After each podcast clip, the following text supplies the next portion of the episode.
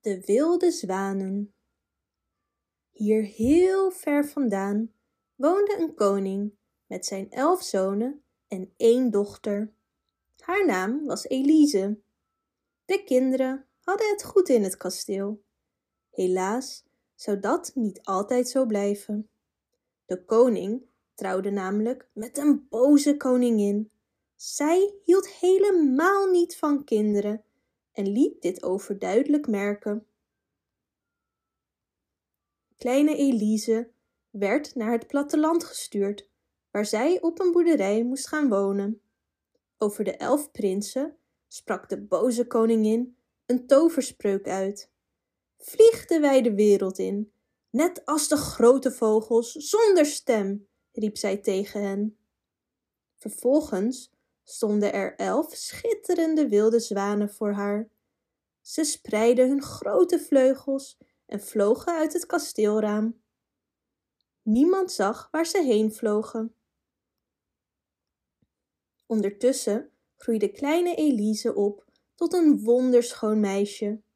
Toen ze vijftien jaar was, zou ze terugkeren naar het kasteel. Zodra de koningin zag hoe mooi Elise geworden was, werd ze boos. Ze vermomde Elise, zodat haar eigen vader haar niet herkende en wegstuurde. Verdrietig rende Elise het kasteel uit en het donkere bos in. Ze miste haar broers en was vastbesloten ze terug te vinden. Toen zij tijdens haar zoektocht aan een oud vrouwtje vroeg of zij niet toevallig elf prinsen had gezien, antwoordde zij: Nee, maar zwommen hier gisteren wel elf zwanen met gouden kronen op hun kop. Elise's hart maakte een sprongetje. Zouden dit haar broers kunnen zijn? Een klein stukje verder lagen elf witte zwanenveren. De prinses ging ernaast op het zand zitten. Toen de zon bijna onder zou gaan, zag Elise in de verte de vorm van elf grote vogels in de lucht. Zij streken naast haar neer, en zodra de laatste zonnestralen verdwenen waren, stonden er geen zwanen, maar prinsen naast haar. De broers en zus vielen elkaar huilend in de armen. Uren praten ze met elkaar en de prinsen vertelden over hun vervloeking. Overdag waren zij zwanen, na zonsondergang werden zij direct weer mens. De volgende ochtend namen de zwanen Elise mee naar een ver land, ver uit de buurt van de boze stiefmoeder. Met heel haar hart hoopte Elise dat er een manier was om haar broers te verlossen van de vloek. Die nacht droomde Elise over hetzelfde vrouwtje dat haar de weg had gewezen. Zij vertelde: Er is een manier om jouw broers te redden, maar je hebt hier heel veel doorzettingsvermogen en moed voor nodig.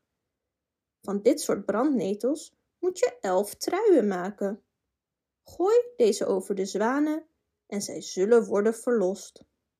Maar onthoud goed, tijdens dit werk, hoe lang het ook duurt, mag je geen woord spreken.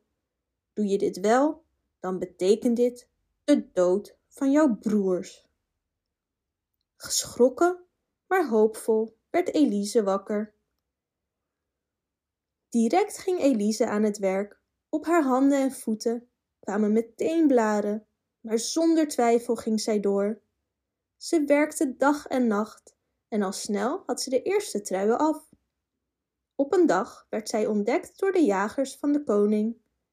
Deze namen het mooie meisje mee terug naar het kasteel, waar de koning direct verliefd op haar werd. Gelukkig kon zij in het kasteel wel doorwerken aan de truien voor haar broers. S'nachts sloop zij het kasteel uit om meer brandnetels te verzamelen. Toen de koning dit ontdekte, was hij bang dat zijn toekomstige koningin een heks was en liet haar opsluiten. In haar cel mocht Elise haar brandnetels en de algemaakte truien houden. Onvermoed werkte zij door. Op de dag van haar terechtstelling had zij tien van de elf truien af. Haastig werkte zij door om ook de laatste trui nog op tijd af te krijgen. Zodra Elise uit haar cel werd gehaald, kwamen de elf zwanen haar beschermen.